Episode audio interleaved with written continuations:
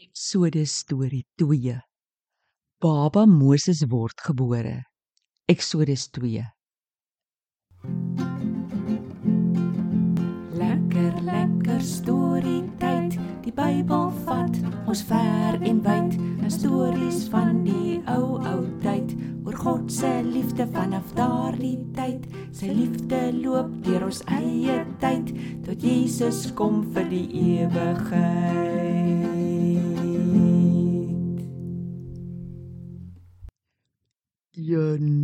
Drie. Een tot die jaar drie. Een tot die jaar daar's drie. Hallo Tobias. Wat tel jy dan nou? Hallo julle. Tannie Karen, daar is nommer 3. Tannie het in ons vorige storie vertel van koning Saru se twee planne om te trodeer om die Israeliete minder te maak. Ons kort 'n storie oor sy plan nommer 3. Hmm. Ek het beloof, maar dis nie 'n mooi plan nie. Dit sou ons kon dink ja.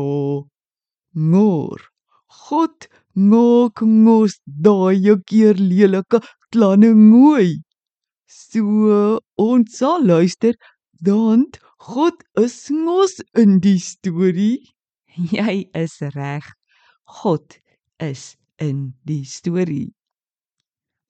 Die farao het nou al twee planne gemaak om te keer dat die Israeliete baie kinders kry en baie mense word. Sy derde plan was ook lelik, aardig en wreed. Hy het vir die Egiptenaars gesê dat hulle alle Israelitiese seentjies wat gebore word in die Nylrivier moet gooi. Donnie. Hy was darm 'n ou met vreeslike, vieslike trot planne. Ja, Tobias. Maar jy het nou net gesê God is ook in die storie. Nou ja. Twee Israeliete, Amram en Jochebed, het 'n dogter, Miriam, en 'n seun, Aaron gehad. Toe kry hulle nog 'n baba seentjie. Hulle het geweet die farao wil al die nuwe baba seentjies dood hê, maar besluit toe om hulle pragtige nuwe baba baie goed weg te steek sodat niemand van hom kon weet nie. O aarde. Hoe steek mens dadas weg? Hulle huil mos. Jy is reg. Dit sukkel maar om babas se gehuil stil te hou. Hulle het dit reg gekry om hom tot so op 3 maande oud weg te steek. Maar toe besef mamma Jogebed sy sal 'n ander plan moet maak. O, ek hou van planne. Dat se plan? Die plan sal vir ons baie snaaks klink. Kom ek vertel. Sy het 'n mandjie wat van pissies gevleg was gevat. Dit was groot genoeg dat die baba daarin kon pas. Sy het geweet die mense wat bote bou, smeer dit met klei en pik. Dan is dit so dig dat geen stuk water daarin kan kom nie. Sy maak die mandjie toe ook so dig. Sy sus vir baba aan die slaap en sit hom saggies in die mandjie. Toe vat sy die mandjie en gaan sit dit tussen die riete op die kant van die Nylrivier.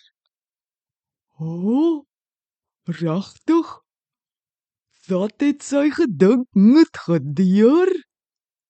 Julle Mamma Jogebed het geglo dat God sal help. Hoe het sy nie geweet nie? Die baba se sussie, Miriam, het ook tussen die riete weggekruip. Sy wou sien wat gebeur met haar boetie. Ek hoop nie 'n krokodil het gekom nie. nee, Tobias. Die Here het iemand anders gestuur. Die farao se dogter, die prinses, het bietjie kom swem. Terwyl sy in die water was, het haar diensmeisies teen die kant van die rivier geloop. Sy geniet nog so die water. Toe sien sy iets snaaks tussen die riete. Dit lyk nes 'n klein bootjie net ronder soos 'n mandjie. Sy roep na haar diensmeisie. "Haai, gaan kyk gou daar tussen die riete. Daar is 'n snaakse bootjie." Die diensmeisie gaan na waar die prinses beduie en tel die mandjie uit die water. Die prinses en die diensmeisie maak dit oop. En wat sien hulle?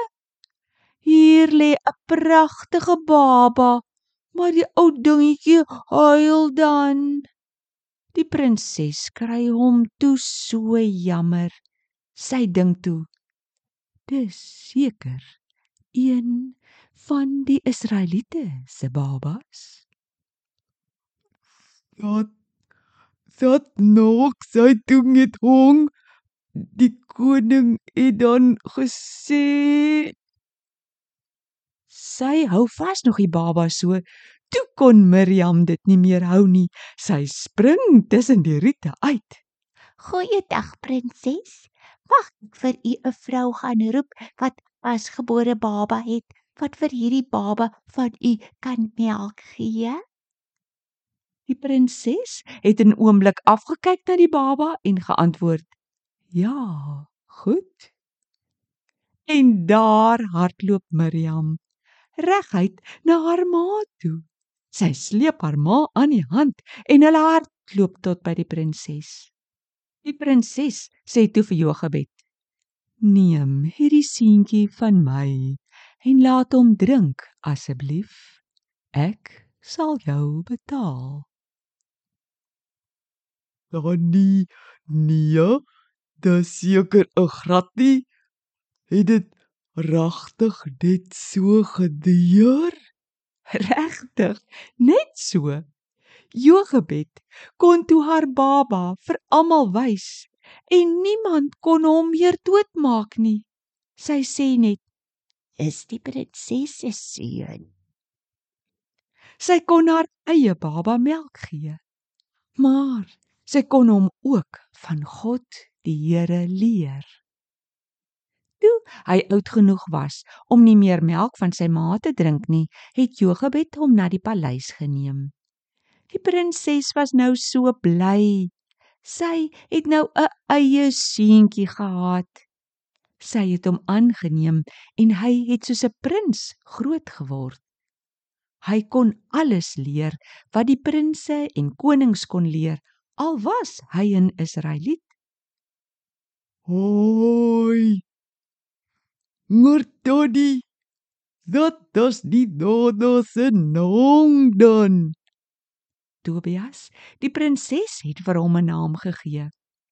Seun, jou naam is Moses, want ek het jou mos uit die water gehaal. Moses. Fantasties. Gaan ons nog van hom hoor? Julle, ons gaan nog baie van Moses hoor. Die Here God het 'n baie belangrike werk vir hierdie ou klein seentjie gehad.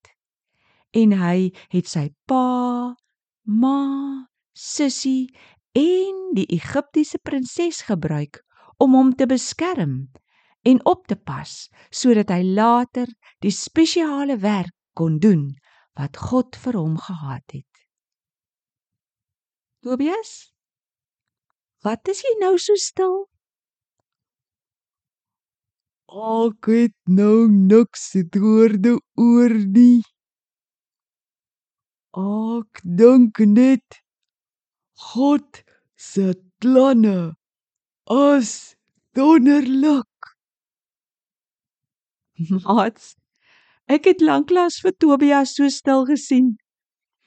Hy dink diep oor hierdie storie. So ek groet sommer namens hom ook. Volgende keer bring ons nog 'n Moses storie waarin God elke keer is.